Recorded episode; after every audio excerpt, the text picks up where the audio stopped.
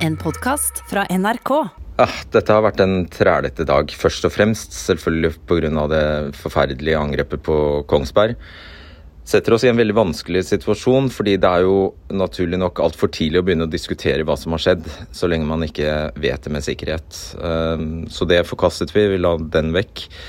Og da sto vi jo igjen med regjeringsskifte, og problemet som oppstår der, er eh, at det er kutyme på den aller første dagen at de ikke går i hard politisk debatt som nyutnevnte statsråder. da. Og det gjaldt for så vidt eh, store deler, ikke absolutt alle, men store deler av opposisjonen også. Eh, så vi innså etter hvert at vi ville ikke klare å få til noen fornuftig politisk debatt på akkurat eh, denne dagen. Så det du skal få høre da, er en presentasjon av faktisk de fleste av de nye medlemmene i regjeringen, og hva de rett og slett tenker på den aller første dagen som nyutnevnt regjeringsmedlem.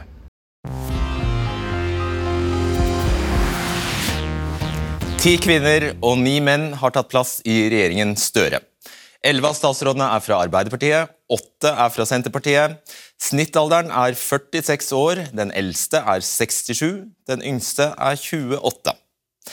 Det er tre trøndere i regjeringen, men ingen fra Sørlandet. Bli der du er, så skal du få hilse på mange av dem. Og Den første puljen her består av statsminister Jonas Gahr Støre, finansminister Trygve Slagsvold Vedum, Jan Christian Vestre, du er næringsminister.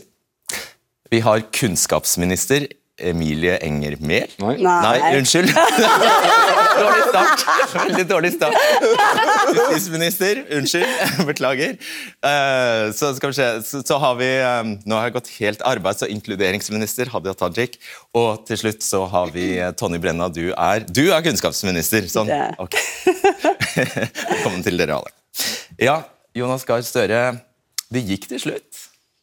Ja, eh, valget ga resultat som gjorde at vi nå står her. Og vi har lagt fram en flott plattform og et eh, fint regjeringslag. Har Gro gratulert deg? Har Ja. Jens gratulert deg? Ja. Ok. Bra. Du har påpekt dette gjentatte ganger eh, selv i det siste, eh, at det er en vanskelig dag for, eh, for landet. Og i kveld sa du at du reiser til Kongsberg i morgen. Nå er det jo fortsatt veldig mye vi ikke vet om Espen Andersen Bråten, men hvilke tanker gjør du deg om at vi nå kan Det kan se ut som vi har klart å fostre tre uh, ja, tre norske terrorister på ti år i dette ellers fredelige og harmoniske landet. Mennesker som kan ha blitt radikalisert på nett. Jeg vil ikke trekke konklusjonen på det ennå, når politiet ikke har gjort sin etterforskning ferdig. Dette er så vidt jeg vet en person som er dansk statsborger. Men uansett så har en ufattelig tragedie rammet Kongsberg. Og jeg tror nordmenn i alle deler av landet er sjokkert og rystet over det som har skjedd. Brutaliteten og vilkårligheten. eh, At mennesker i trygge Kongsberg kan oppleve dette. Så Emilie Enger Mehl og justisministeren og jeg reiser til Kongsberg i morgen for å både gi uttrykk for den jeg tror, omtanken og solidariteten som alle i Norge føler, og også møte de i kommunen som nå stiller opp og har et krevende arbeid med å ta vare på de som er eh, sårbare. Det illustrerer jo at vi er utsatt i moderne samfunn. Eh, jeg skal ikke trekke konklusjoner om nettet, men dette er jo ting vi har sett også i andre land, eh, at slike grusomme hendelser kan skje. Så det å beskytte oss, det er politi- politiet og justismyndighetene og etterretningen som skal gjøre. Men jeg har sagt mange ganger i dag at også du og jeg, vi har alle en nabo, vi har alle en i, i lokalmiljøet. Vi må følge med, og vi må ta godt vare på hverandre. Men det er jo dessverre sånn at det er nettopp det å forhindre vi ikke har greid i disse tilfellene. Nei, og vi må trekke alle lærdommer av det. og jeg går ut fra at når, når politiet oppsummerer, så får de også konkludere hvordan de har jobbet, hvordan forebyggingen har eh, fungert. Og Her har vi også lærdommer å trekke fra andre land. Christchurch borte i New Zealand. Vi, har hatt, eh, vi hadde jo Bærum-moskeen i 2018. Vi har 22. juli i, i bakteppet, så vi begynner å få mye kunnskap om det. Men dette er ikke en jobb jeg tror vi kommer til å gjøre ferdig en gang for alle. Og for denne regjeringen så er selvfølgelig beredskap og beskyttelse av folk i Norge en hovedsak. Ja, Dere skriver i Hurdalsplattformen at dere vil nedsette en ekstremismekommisjon som skal gå dypere inn i hvor, hvordan ekstremismen oppstår, og lære mer om hvilke tiltak som fungerer eh, for å forebygge og motvirke radikalisering og ekstremisme. Men svaret ga det jo nesten selv. Vi vet at utenforskap, det å falle utenfor, det å ikke altså, det å dyrke ense, at, at, man, at det oppstår ensomme ulver, er det som er farlig. Ja, det er farlig. Det var AUF hos oss som tok opp dette med ekstremismekommisjonen. For de var opptatt av at nå må vi hente inn den kunnskapen som er i Norge og internasjonalt for å forstå dette mer. Eh, nettet er en viktig driver. Nå tar jeg ikke stilling til den siste saken, for der kjenner vi ikke alt. Men et samfunn som vårt, et demokratisk åpent samfunn, må bruke kunnskap, søke kunnskap og forstå mer. Og 22.07 så ble det jo sagt det at eh, PST var den siste skansen, egentlig. Men muligheten til å gripe inn når slike ting kan vokse fram, skjer på veldig mange andre nivåer i samfunnet tidligere. Og Det er jo det å kunne lykke med å gripe inn tidligere, fange opp folk som kommer utenfor. Men nå tror jeg igjen at vi skal være varsomme med å kommentere Kongsberg, fordi det er en sak som fortsatt etterforskes, og som er dypt og opprørende tragisk. Da lar vi den ligge. Du har altså satt sammen et eh, lag der de halvparten kommer fra Oslo, eh, Akershus og Hedmark. Finnmark, Møre og Romsdal, Sogn og Fjordane, Oppland, Buskerud, Vestfold, Telemark, Aust-Agder og Vest-Agder står helt uten statsråder. Hvordan kan det ha seg? Altså, vi har da 19 såkalte valgdistrikter i landet. og Arbeiderpartiet vi har eh, altså 11 eh, statsråder her. Det er ikke mulig å dekke opp alt. Men nord, sør, øst og vest er dekket. I forrige periode var ikke Innlandet inne i det hele tatt. Eh, Trygve og Emilie og eh, Anette hos oss er derfra. Dette varierer litt rundt. Sørlandet blir sett. De har en dyktig statssekretær i regjeringen. Uh, og vi er selvfølgelig engasjert i at hele landet skal ses. Det er jo en del av vår plattform. Det er vanlige folks tur, og de skal se hele landet.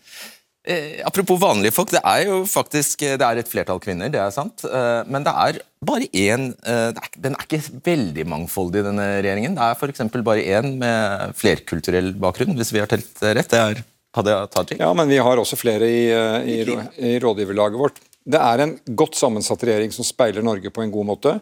Det å velge ut i et sånt lag, det skal treffe balanse både på alder, geografi, bakgrunn, erfaring. Eh, og pågangsmot. Og det er det mye av.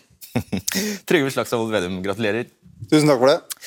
Eh, dere fikk eh, dobbelt så høy oppslutning i Sogn og Fjordane som på landsbasis. Likevel, da klarte du ikke å finne ett dugende Senterparti-menneske til å bekle en statsrådspost. Vi har mange kjempedyktige politikere i Sogn og Fjordane rundt omkring i hele landet, og så har vi satt sammen et godt team. Der vi har flere representanter fra nord, vi har fra Vestlandet, vi har fra Trøndelag, vi har fra Hedmark, Akershus og et statssekretærlag fra nesten alle fylker. Så her er det en veldig godt... Men poenget er at vi må jo, Når vi skal sette sammen en regjering, så skal man ha statssekretærer, statsråder, politiske rådgivere. Og så ha en politisk retning som gjør at vi ser hele Norge. Og Det er jo hovedprosjektet for Arbeiderpartiet og Senterpartiet nå. Vi har fått en regjering av Senterpartiet og Arbeiderpartiet. Det er jo nettopp at vi skal nå utjevne forskjeller, og også bruke politikken aktivt å bygge opp store og små lokalsamfunn. At det skal bli mer trygghet og ro rundt de grunnleggende tjenestene, som har vært en sentraliserende regjeringen i åtte år. og Nå skal vi få en regjering som bygger opp i stedet for å rive ned. Akkurat. Det har vi hørt før. Jo, men Det er jo det vi har gått til valg på. Det er derfor vi er, vi er her for å tjene folk, ja. ikke for å tjene noe annet. I går nektet du å svare på om økt CO2-pris vil føre til dyrere eh, bensin og diesel. Du kan prøve igjen. Blir det dyrere bensin og diesel? Så I regjeringserklæringen så står det at vi ønsker lavere drivstoffavgifter, og så får vi sette oss ned nå og jobbe eh, sammen som regjeringslag og så se hvordan vi kan klare å få ned avgiftene som treffer folk med vanlige middels inntekter ned. Det er den som er målsettinga i regjeringsplattformen. For vi ønsker, når vi ser på skatt og avgift, at, tar du, at tjener du under 750 000, som egentlig er ganske god inntekt, så skal du få et samla lavere skatte- og avgiftstrykk. Det er vårt mål. For vi ønsker å ha en bedre omfordeling. Og så er vi i tillegg opptatt av den geografiske dimensjonen. Altså, vi har sett det siste året at de som tar ferje, de som har kortbanenett, pendlere mange av de som er avhengig av transport, har fått dyrere hverdag. og Vi ønsker å få de kostnadene ned, f.eks. med gratis ferje til de øysamfunnene og de minste ferjesambandene. Mange, ja, gode, mange gode tiltak vi skal få til her. Jeg bare tror det folk er, er, har, har, hørt når du, du, har avgitt dette løftet, var at du nå skulle pumpeprisen ned. Ja, vi har jo også I regjeringsplattformen så står det at man har som mål å ha lavere drivstoffavgifter. og Da kan man gjøre det f.eks. med å sette avgiftene på på biodrivstoff ned. Gjøre ulike ja, grep. Det. La oss snakke om det. Fordi, Hvordan skal du unngå da, hvis du gjør det, senker avgiften på biodrivstoff, at det ikke bare kommer masse palmeolje inn? Det er, at du skal stille, det er jo blitt strengere og strengere krav til det. Eh, opprinnelseskrav. Og det som er så fantastisk er at vi kan, Hvis vi gjør de riktige næringspolitiske grepene som eh, Vestra siden av her skal gjøre, så kan vi bygge mer industri i Norge med basis i fornybare råvarer. F.eks. også biodrivstoff. Og Nå er det flere anlegg som er på vei opp. og Hvis vi da klarer å føre en god næringspolitikk, så kan vi få flere arbeidsplasser, få utslippene ned. Og folk som da kjører en vanlig bil, kan også kjøre miljøvennlig. Så her kan det være en vinn-vinn hvis vi klarer å få en god og aktiv næringspolitikk. og Sammen så er jeg helt sikker på at Senterpartiet og Arbeiderpartiet og med så dyktig næringsminister som Vestre at vi skal få det til. Ok, Siden han, du har introdusert ham, så vi får gå til deg nå. Du er også næringsminister, du er fra Haugesund. Du har stått bak en dundrende næringssuksess, faktisk, i form av eh, produksjon og salg av møbler i familieselskapet Vestre.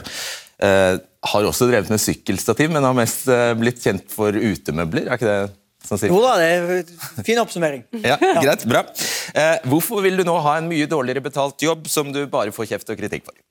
Det er jo en helt utrolig mulighet det her da, til å bidra til å skape grønn vekst i Norge.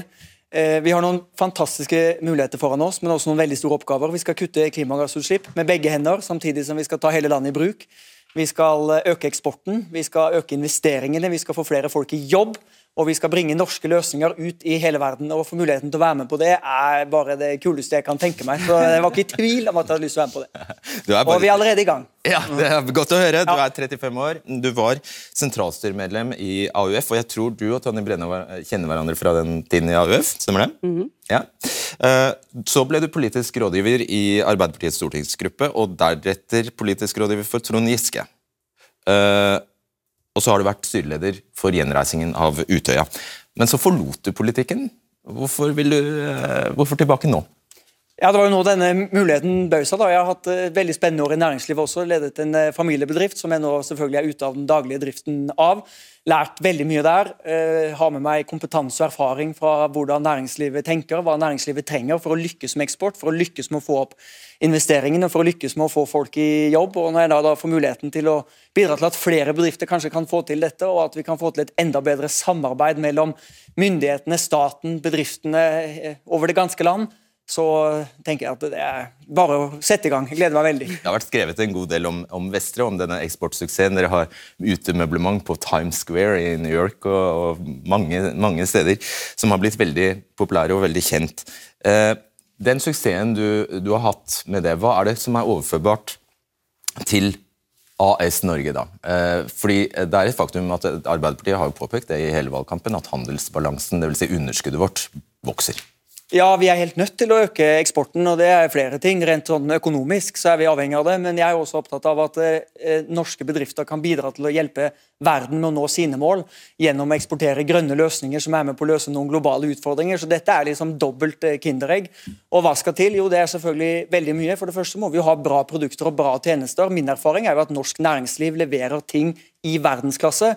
Av og til tror jeg ikke vi er dyktige nok til å skryte av oss selv og fremsnakke oss selv og dra ut i verden med selvtillit og fortelle at vi er gode. Det skal jeg bidra til at vi kan få til. Og så trenger vi også et virkemiddelapparat, da, som det heter. Eh, altså disse statlige og, og, offentlige ordningene som i større grad jobber sammen med bedriftene, der vi kan utløse et større potensial. Og Da trenger bedriftene mer kompetanse, men de trenger også risikoavlastning og hjelp å komme seg ut. Og Noe av det første vi går i gang med nå, er å invitere partene, bransjene, på tvers av landsdeler. Vi skal raskt sette oss ned sammen med dem. identifisere identifisere hvor vi har stort potensial for å raskt øke eksporten. Og så skal vi lage gode, ambisiøse og målbare planer for å komme i gang med det arbeidet. Dette kan simpelthen ikke vente.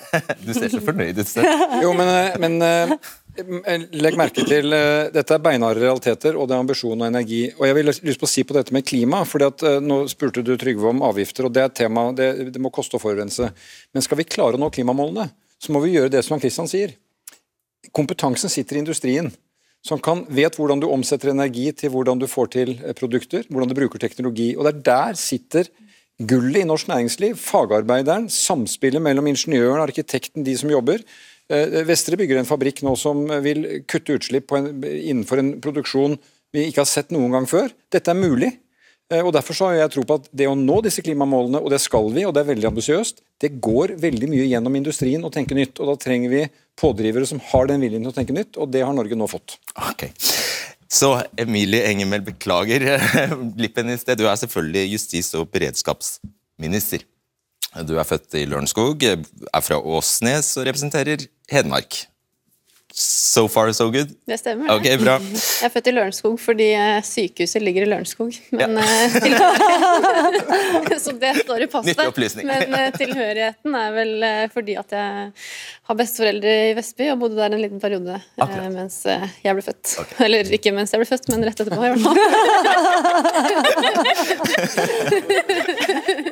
fall. du fikk en veldig brå, eller veldig tøff start selvfølgelig på jobben med dette angrepet på Kongsberg. Hvordan føles det å plutselig ha en så ansvarsfull jobb? Det opplever jeg som eh, en hendelse som egentlig understreker alvoret i at kriser kan skje når som helst. Og jeg blir jo litt stolt av landet vårt når vi har systemer som fungerer også selv om vi står midt i et regjeringsskifte. Vi har Statsministeren og jeg ble jo holdt orientert av den avtroppende regjeringen fra kort tid etter at angrepet skjedde. Og det var en sømløs overtagelse til vår regjering. Og vi har håndtert det videre gjennom dagen og kommer fortsatt til å gjøre det. Mm. Vi har eh, et politi som er eh, i full gang med etterforskning, som jobber på stedet. Og dette er en sak som har rysta hele Norge. Men vår oppgave er jo å stille ressurser tilgjengelig, sånn at de som er i Kongsberg, som, som gjør jobben der, enten det er politiet, helsevesenet, kriseteam eller kommunen, at de får gjort det i ro og fred. Mm. Du er Senterpartiets første justisminister på 88 år, yngste noensinne. Måtte du tenke deg nøye om før du sa ja? Det er jo et stort ansvar å si ja til, men jeg eh, er veldig takknemlig for den tilliten som statsministeren og finansministeren har vist meg med å spørre. Og eh, var det, er en, det er en oppgave som jeg med glede takket ja til. Ja, Så du var ikke i tvil, egentlig? Det var jeg ikke. Nei. um, du har fjernet din private Facebook-profil. Hvorfor det? Jeg eh, syns det er viktig å ha et skille mellom hvem jeg er som privatperson og offentlig person. Eh, det digitale rommet det er veldig uoversiktlig om dagen. Det ser vi jo både fordi at vi opplever eh, mange digitale trusler, vi ser at det spres falsk informasjon. Eh, jeg vil ha kontroll på hva folk vet om meg som privatperson. Mm. mm. Det er veldig forståelig. Uh, må ta det opp. Seerne, mange seere her husker jeg fra, fra NRK-serien uh, en reality-serie, må det være lov å si. Anno. Eh, der gikk dere tilbake. Dere bodde på 17, som på 1700-tallet. Ja. 1764. 1764. Hvor mye av den erfaringen tar du med deg? Det var en, eh, en av mange ting jeg har opplevd som lærte meg mye. Eh, først og fremst så ble vi jo satt sammen 14 personer som ikke kjente hverandre, eh, og skulle bo i vi hadde bl.a. bare åtte senger da vi starta. Um, og man blir jo veldig godt kjent, lærer seg å være tett på mange sterke personligheter. Og så er det jo så det tett har du kanskje ikke lyst til å være på? Nei, eh, vi har eh, foreløpig hver vår leilighet, i hvert fall.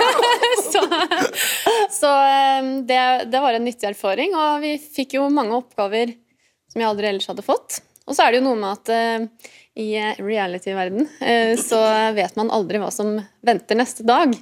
Og det er, eh, Man må bare prøve å forberede seg på eh, det som kan skje, og så være, være i situasjonen man er i. Så det er noe læring? Eh, det er mye læring ja, i det. Det er jo ikke alle forunt å få reise tilbake i tid. Nei. Du, eh, det var sånn at Senterpartiet gikk høyt ut på banen, lovte at eh, lensmannskontorer skulle reetableres. I plattformen står det bare at det skal etableres 20 enheter, hva nå en enhet måtte være. 122 lensmannskontorer har jeg lest meg til er lagt ned under Solberg. Så hvor, eh, hva, hva, skjer med de 100, ja, hva blir det? 100 resterende?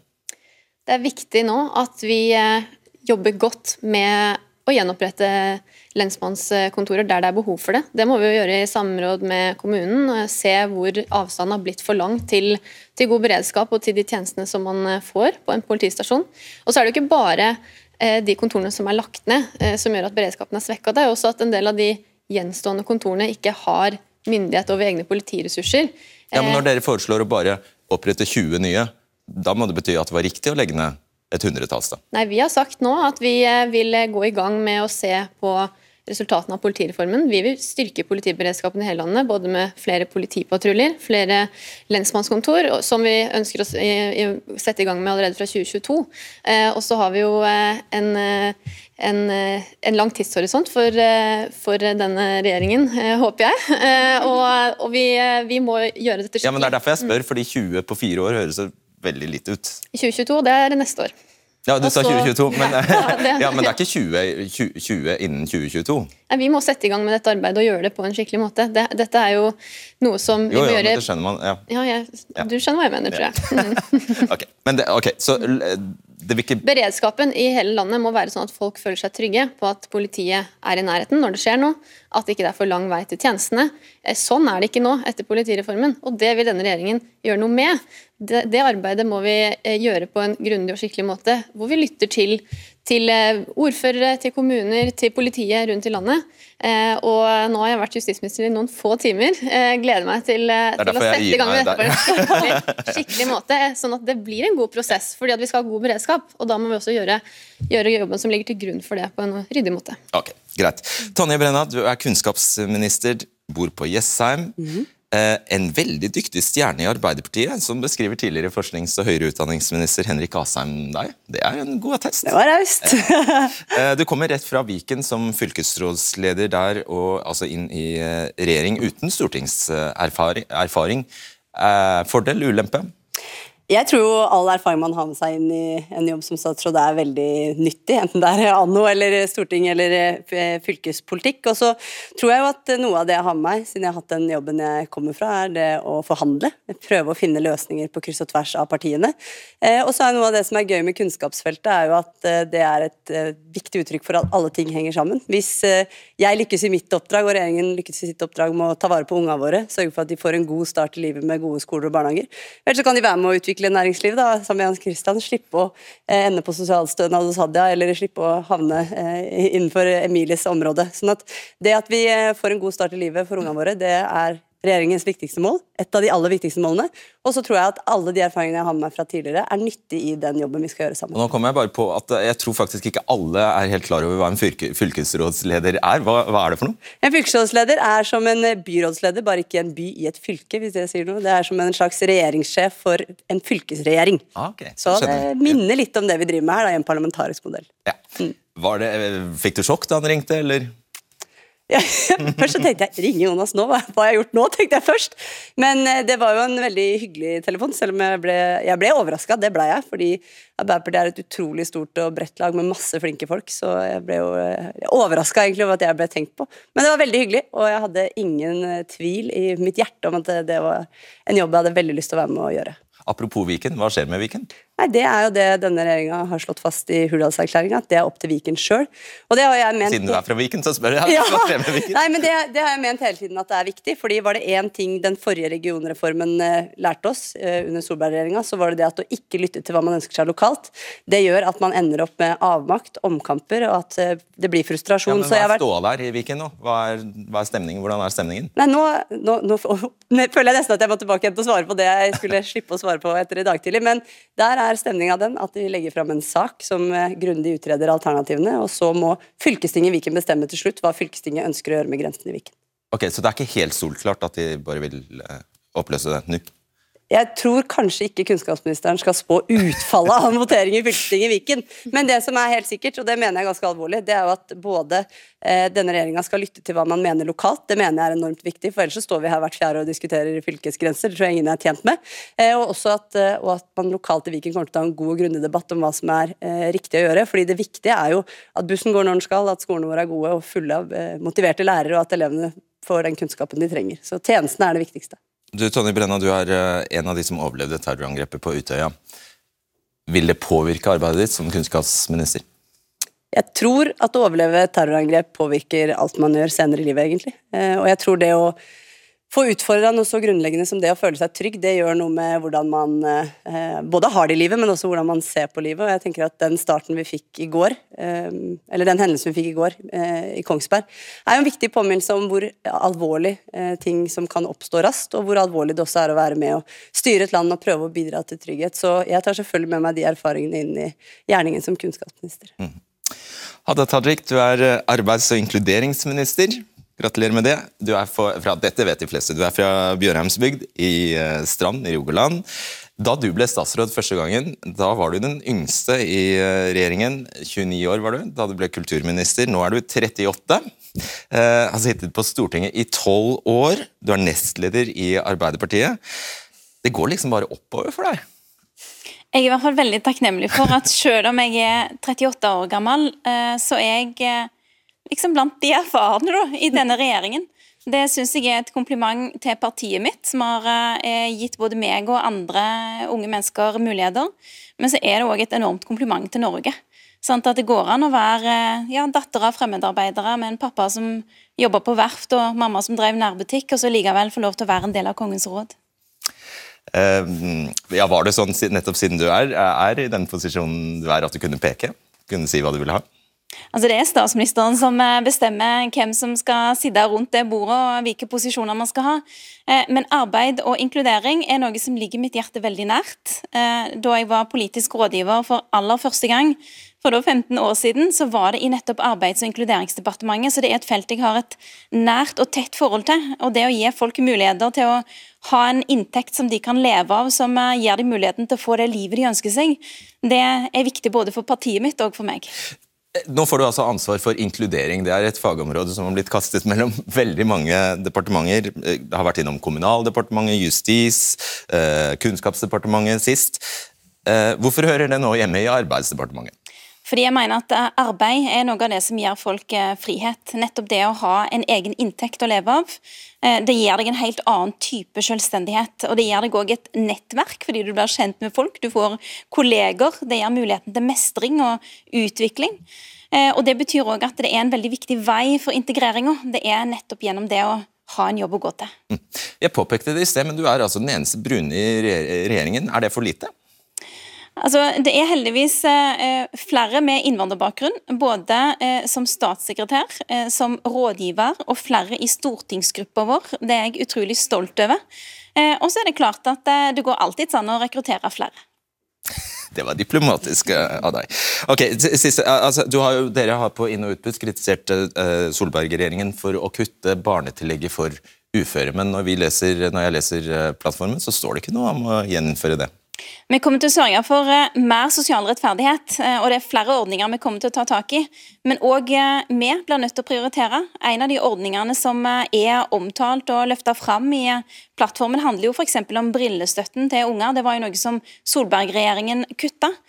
Og på område etter område så vil man se nettopp det at dette er en regjering som stiller opp for helt vanlige folk over hele landet. Ja, men Dere plukket dere ut akkurat dette kuttet og sa det er forferdelig, og så gjør dere ikke noe med det? Eh, på område etter område så kommer vi til å både rette opp kutt, men òg vise at vi vil mer for Norge enn å bare korrigere feilene til Erna Solberg sin regjering. Eh, jeg syns det vil være for lite ambisiøst hvis målet vårt altså bare skal være å reversere. Vi må være langt mer framtidsretta enn det. Støre, eh, dette, det første spørsmålet du fikk på pressekonferansen i går, var om du, dere er villige til å gi SV noe på skatt. Og da, og, altså Om det er et ufravikelig krav fra deg at uh, skattenivået skal ligge uh, fast. Da ga du bare ordet videre til uh, Vedum. Vil du prøve å svare i dag? Det var jo et hint om hvem som var finansminister. da. Skulle bli finansminister. Nei, vet du hva, jeg syns ikke det er riktig å, å, gjøre det nå. Nå skal vi gå i gang med å justere det budsjettet de la fram. Vi kan gjøre noe, det begynner vi med nå.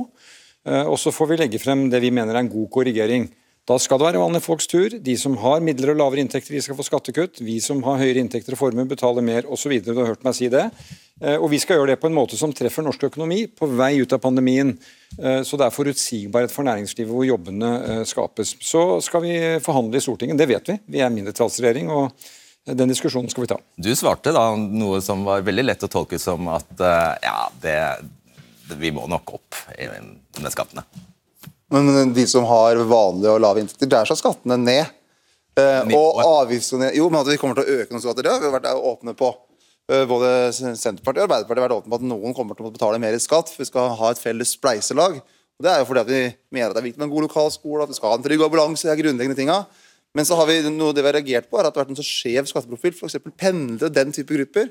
har merka stor innstramming under gårsdagens regjering. Og så må vi få en helt annen kurs. Og så er det jo syns jeg er helt strålende å få til laget vi har fått i denne regjeringen. da. For Vi har fått uh, så mange nye, dyktige folk. Så vi, også skal vi få en regjering som lytter, for det mener vi da har vært et problem. At dagen, eller gårsdagens regjering har glemt å lytte i så mange saker. Så både Jonas og jeg har den felles eh, oppfordringa til alle nye statsråder. Lytt og lær, reis rundt, og tenk at du skal være en tjener for folk. Du, uh, Det er kjent i kveld at Norge skal delta på en atomforbudskonferanse. Som det første og eneste landet foreløpig. Hva skal vi der gjøre? Eh, de eh, statene som har inngått denne eh, traktaten om atomforbud, det har ikke Norge gjort. Det går ikke denne regjeringen inn for. De har såkalte konferanser hvor de gjennomgår status for det. Og Norge har sagt de skal være observatør på det. Hvorfor skal vi det? Jo, for vi skal vise at vi er interessert i å drive nedrustningsarbeidet videre framover. Kjernefysisk nedrustning det er viktig. Hvis det ikke skjer nedrustning, så står det ikke stille. Da blir det opprustning. Så Norge skal engasjere seg i det. Vi går ikke inn for å signere den traktaten som eneste Nato-land. Vi startet den prosessen, det var jeg som gjorde det som utenriksminister, men uh, Solberg-regjeringen trakk Norge ut, slik at det var ingen Nato-land som fullførte den prosessen. Uh, og Da er ikke det tid for oss å gå inn i den, men det å delta som en observatør når de diskuterer status, det er uh, Da betyr det å bare sitte og høre på de andre? Ja, og det kan være en, en viktig markering i seg selv, at eh, kjernefysisk nedrustning, det må verden oppta seg med. Litt sånn som EU-forholdet EU vårt? Ganske, ganske forskjellig. Ganske veldig, veldig, veldig forskjellig. Men er det, det er, foreløpig ingen andre Nato-land har jeg skjønt, som, som Nei, men de kan, de kan, tenke seg om. Det er det å observere hva Det er signal fra regjeringen at vi ønsker nedrustning. Ja. Men okay, samtidig, det er det ja. Selvfølgelig er det signal at vi ønsker nedrustning, men likevel er vi opptatt av å vise at vi er en god Nato-alliert. Ok, Jeg rekker et spørsmål om ulv. Det står eh, at bestandsmålene i, i plattformen står det at bestandsmålene skal være en maksgrense. Altså, det vil si at hvis, eh, hvis man har oppfylt eh, kvotene, og det kommer ulykksalig nok for ulven, én ulv for mye, så skal den skytes. Det er det det betyr, ikke sant? Det betyr at uh, ulvebestanden skal reguleres til det taket som Stortinget har satt. og det er jo et hvis man har sett de siste så har det vært veldig mye uro i de områdene som er ulv. Det har blitt overkjørt av gårsdagens regjering gang etter gang. Nå skal det komme en regjering som lytter mer, tar mer lokale hensyn.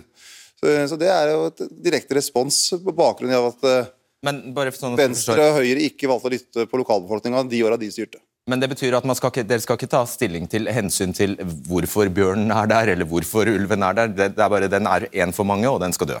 Poenget, det, er akkurat, det er veldig brutal måte å si det på. Da, men ja, brutale at, greier, da. Ja, men altså, vi har, I Norge så har vi sett jo bestandstall. Det er jo litt sånn, på en måte kan det oppleves litt rart, men i Stortinget så har vi bestandstall, soner.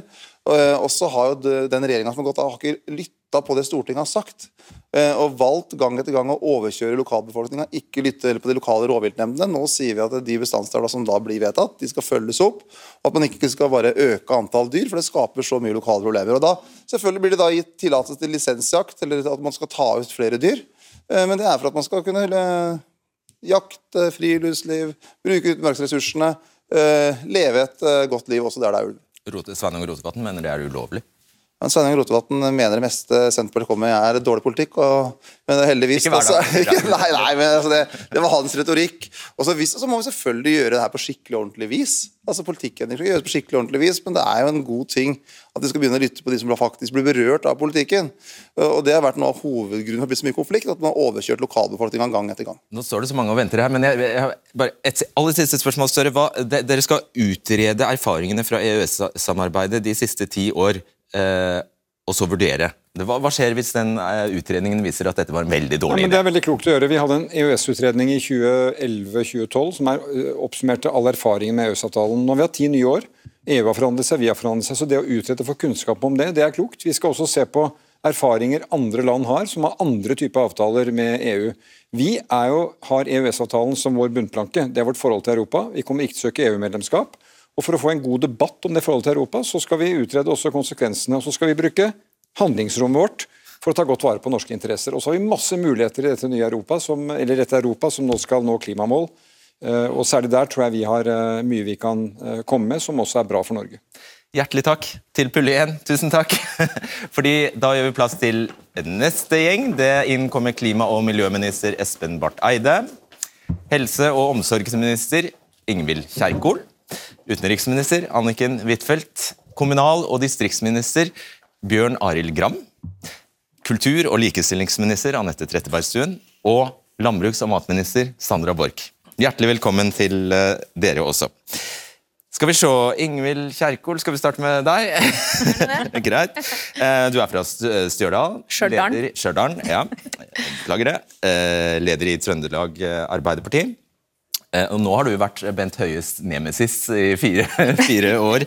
Eh, har du notert deg for hver gang du har kritisert den forrige regjeringen, at dette må jeg huske så jeg ikke møter meg sjøl i døra? Eh, jeg har en viss oversikt, ja. Har det. Og det må politikere ha. Man må holde det man lover, og jobbe for å nå de målene man har satt seg. Og Nå har vi en veldig tydelig regjeringserklæring som peker i en retning hvor vi investerer og satser på den offentlige helsetjenesten, den som er til stede over hele landet, og sørger for at vi da utdanner de fagfolkene vi trenger, og rekruttere og klare å beholde dem.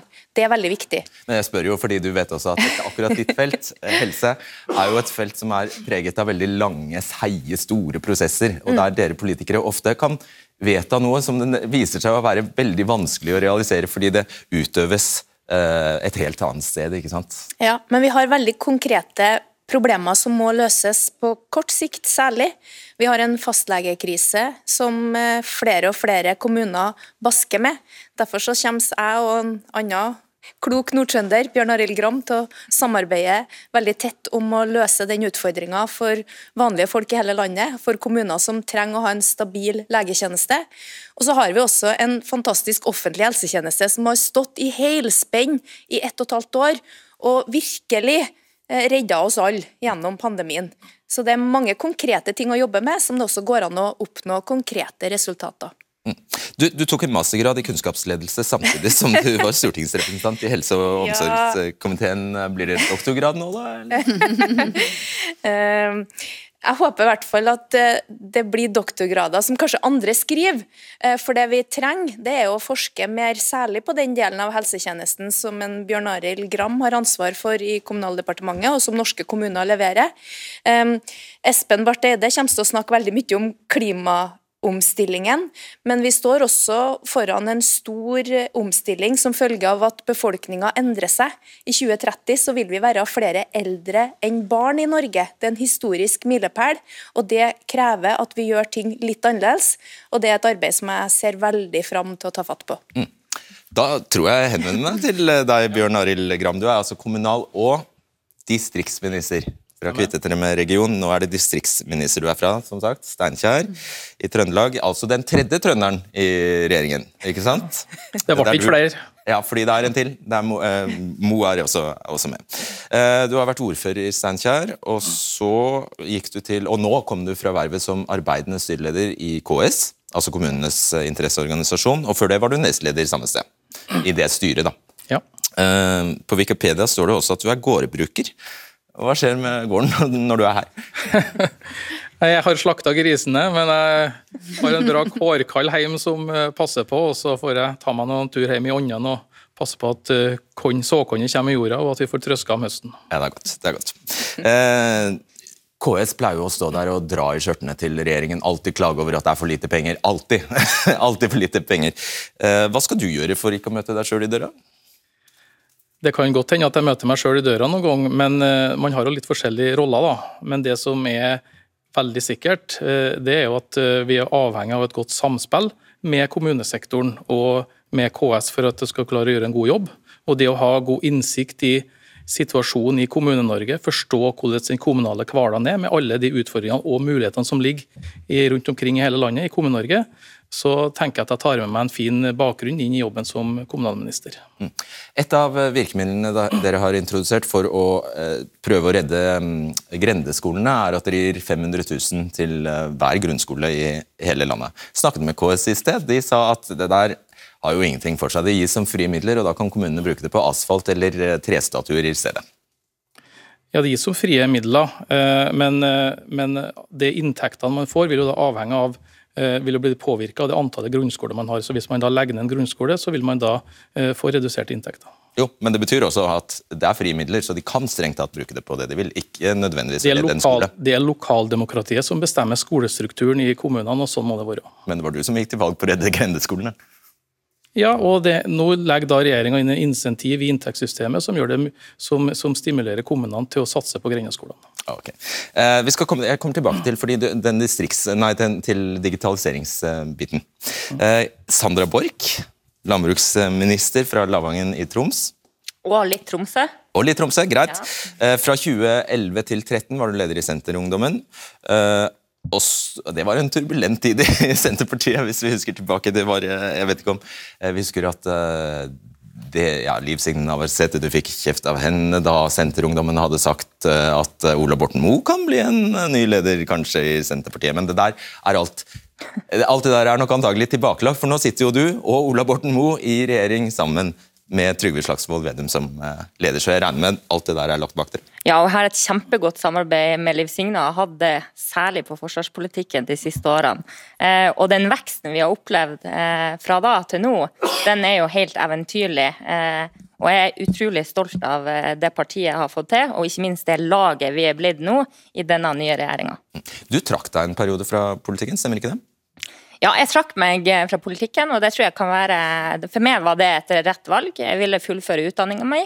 Og så ville jeg eh, prøve meg litt i arbeidslivet. Men så kom jeg jo veldig fort tilbake, da. Ja, du gjorde.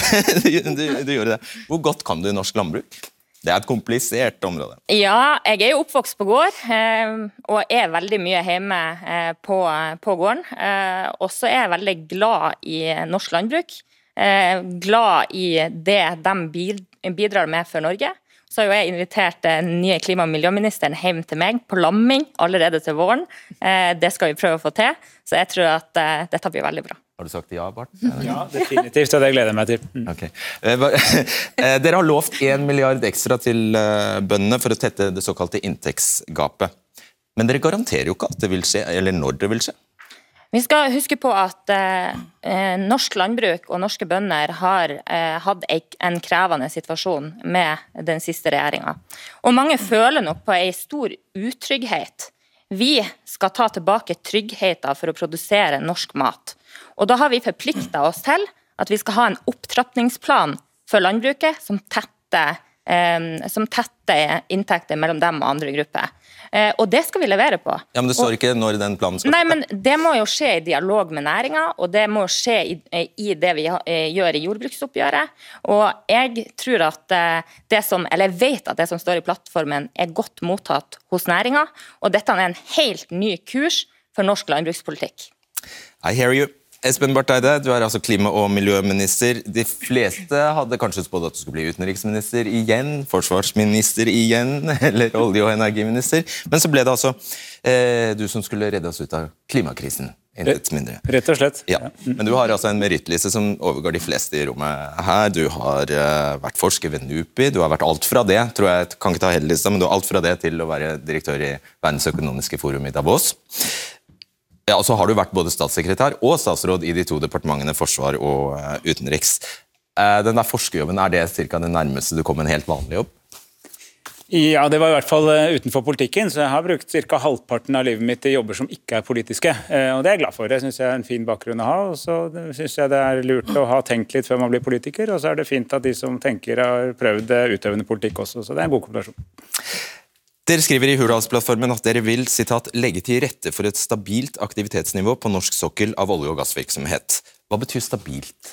Står, neste setningen er jo at et stabilt aktivitetsnivå skal forstås som summen av gamle og nye næringer. Det betyr at eh, aktiviteten skal være stabil, og så skal det være et stadig økende innslag av eh, Havvind, karbonfangst og -lagring, grønn skipsfart f.eks. Alle de nye tingene.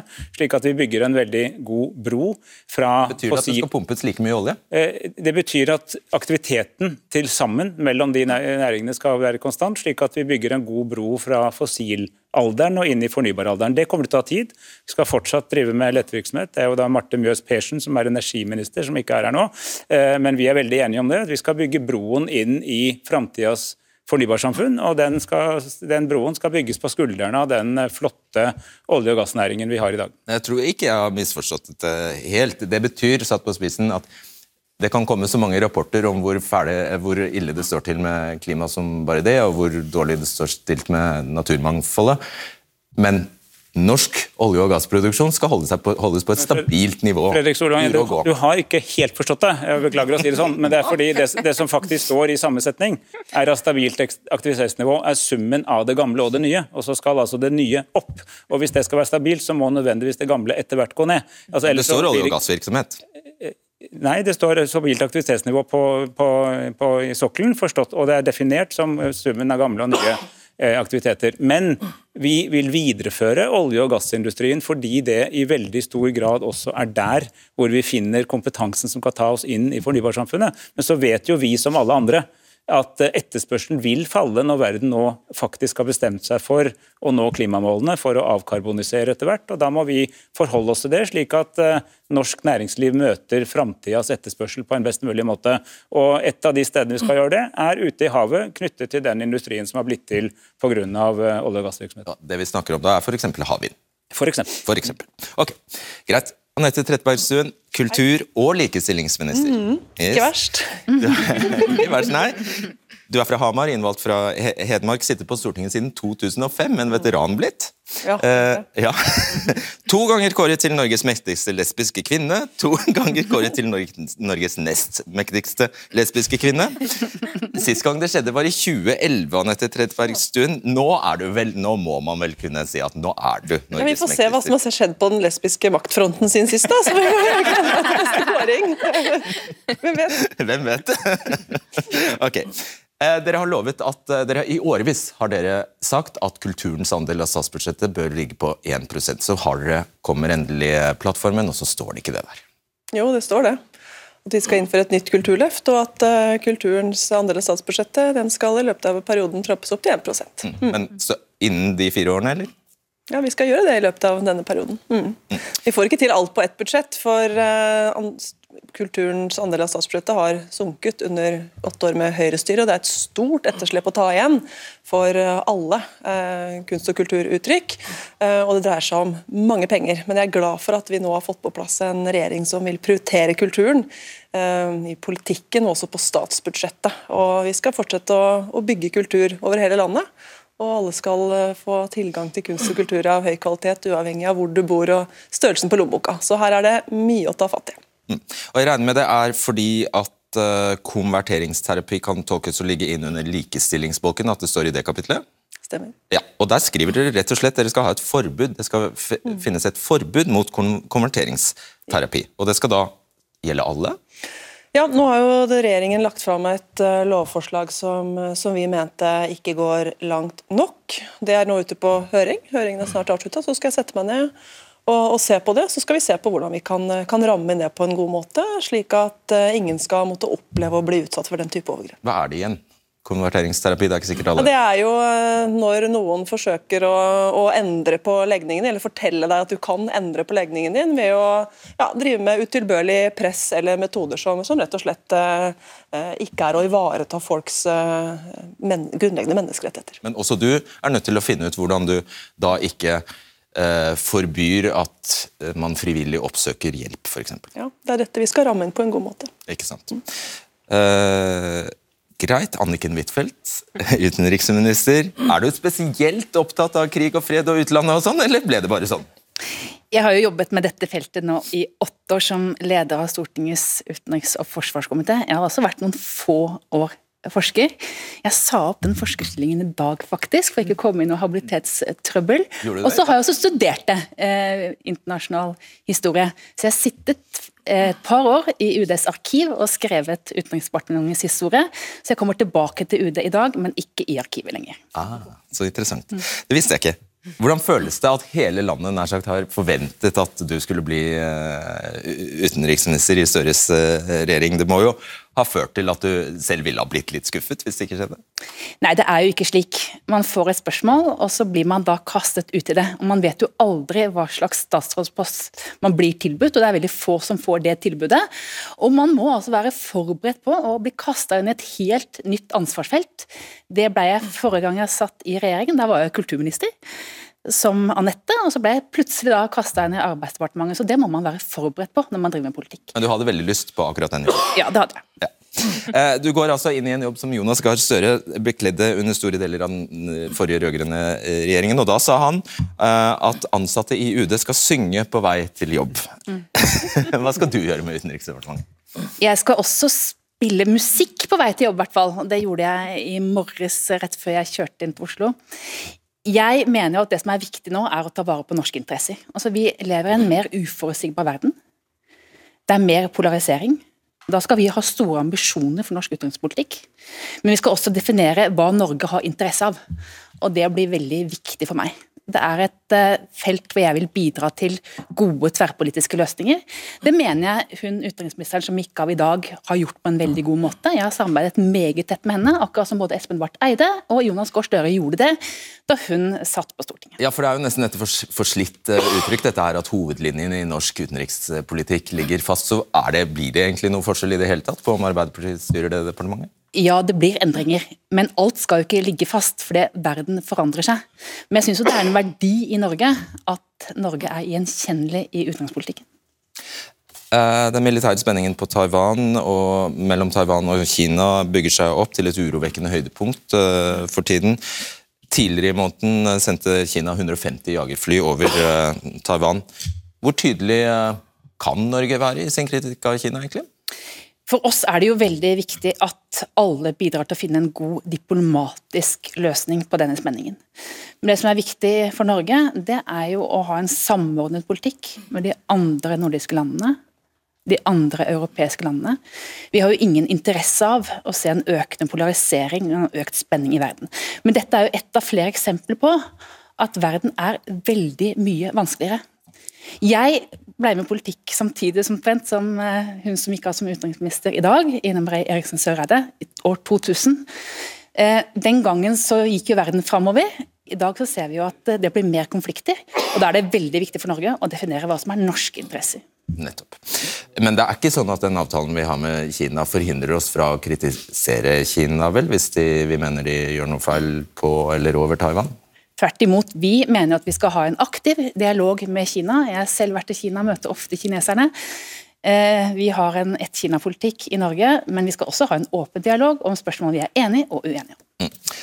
Gå, eh, kan jeg våge meg på er det, er det, Går det greit med halsen? Ja, litt halsvondt, men vi, vi får prøve. Vi prøver. Ok, vi lar det se. Du er altså digitaliseringsminister, eh, og i et av de feteste løftene i plattformen er at dere vil gjøre tilgangen til høykapasitets internett til en rettighet på linje med strøm, og sikre at alle husstander der det bor fastboende skal ha tilgang til høyhastighetsbånd innen 2025. Det høres, det høres ikke billig ut. Det er kjempeviktig at alle har tilgang til det som vi nå, de aller fleste av oss, regner som en selvfølgelighet. At vi kan kommunisere digitalt og ha tilgang til de samme tjenestene uavhengig av hvor vi bor hen. Det er opplagt et viktig prosjekt for en regjering som ønsker å styrke distriktspolitikken og ta hele landet i bruk. Men aner du hva det koster? Jeg har ikke noe prislapp å legge på bordet nå, men det er absolutt en ambisjon vi må ha. For det handler om at vi skal kunne gi likeverdige tjenester over hele landet.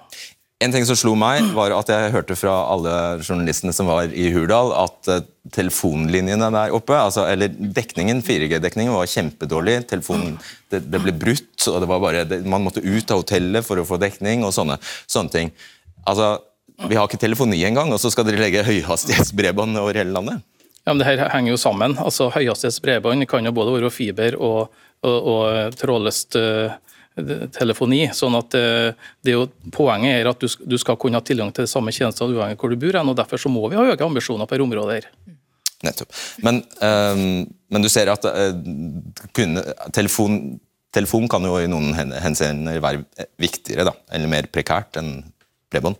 Ja, det jo, det, det, tar jo ikke stilling til nøyaktig hvordan teknologiske løsninger det er, men poenget er at du skal ha en kapasitet som gjør det at du kan ha tilgang til de tjenestene du trenger, uansett hvor du bor hen. Du har forresten bakgrunn fra Telenor, har du ikke det? Så du kan litt om akkurat Jeg har jobba som økonom i Telenor. Okay. Men... ja, ok. Um, uh, ja, nå mister jeg helt uh, tråden her. Er det noen som vil si noe? jeg, vil si. Ja, jeg vil si at Bredbånd er også utrolig viktig for den, eh, det at vi blir flere eldre og flere skal bo trygt hjemme. Det å ha trygghetsalarmen kobla på vaktsentralen til hjemmetjenestene er kjempeviktig. og vi vi har store utfordringer for å kunne levere god kvalitet på eldreomsorgen framover fordi at det ikke er bygd ut bredbånd alle plasser. Så det, det ble jeg veldig inspirert. Jeg, jeg vil også i forhold til hele digitalisering og det ta i bruk både liksom eh, stordata og telekommunikasjon og kunstig intelligens og sånn, det er også en del av den store jobben med å løse klimakrisen, faktisk. Fordi at det er veldig mye å hente der i forhold til å gjøre ting på nye måter mye raskere. F.eks. nå kan folk jobbe mer hjemmefra og derfor reise mindre. Man kan altså arrangere møter på en annen måte. Man kan, man kan styre energibruk på helt andre måter med, med teknologi. Så det, det, det, som skal gjøres på digitalisering er også veldig relevant for veldig mye andre ting. F.eks. den svære jobben med å kutte 55% av utslippene innen 2030, som er en kjempeoppgave. Ordentlig krevende, men som jeg tror vi skal få til. For vi har satt noen mål som vi har tenkt å nå gjennom veldig tydelig årlig karbonbudsjettering, som vi kaller det. Ja, jeg tenker jo det, det, var veldig bra at journalistene fra Akersgata fikk oppleve dårlig mobildekning i Hurdal. For det er faktisk sånn veldig mange plass i landet. Og det er veldig stolt over at denne plattformen tar på alvor. Eh, vi er nødt til å bygge ut eh, både mobildekning og bredbånd. Og det er jeg stolt over at denne regjeringa tar på alvor. Ja, du vil legge til. Ja, nei, jeg vil bare si det, understreke det poenget som Ingvild hadde i stad. For en ting er hva vi som brukere skal oppleve at vi har tilgang til, men også for f.eks. kommunene som skal levere de tjenestene. Hvis vi skal greie å ha bærekraft i tjenesteytinga framover, så er vi nødt til å fornye vår sektor, mm. drive innovasjon, digitalisering, sånn at vi får mer ut av de ressursene vi har. Mm. Ok, eh, Jeg lover at neste gang dere blir invitert og takker ja, så skal dere få noen motstandere. For dette kan vi ikke gjøre hver gang. Sånn. Nei da, det kan vi. Én gang holder. Ok, Og jeg lover også at debatten neste gang, altså på tirsdag, ikke blir så topptung som den var i dag. Vil du skrive til oss, kan du bruke e-postadressen debatten krøllalfa nrk.no. Vi ses.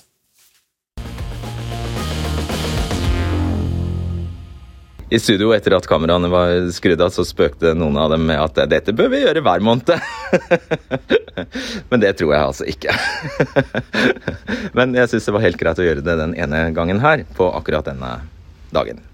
Så takk for at du hører debatten på podkast, så høres vi igjen til uka. Du har hørt en podkast fra NRK.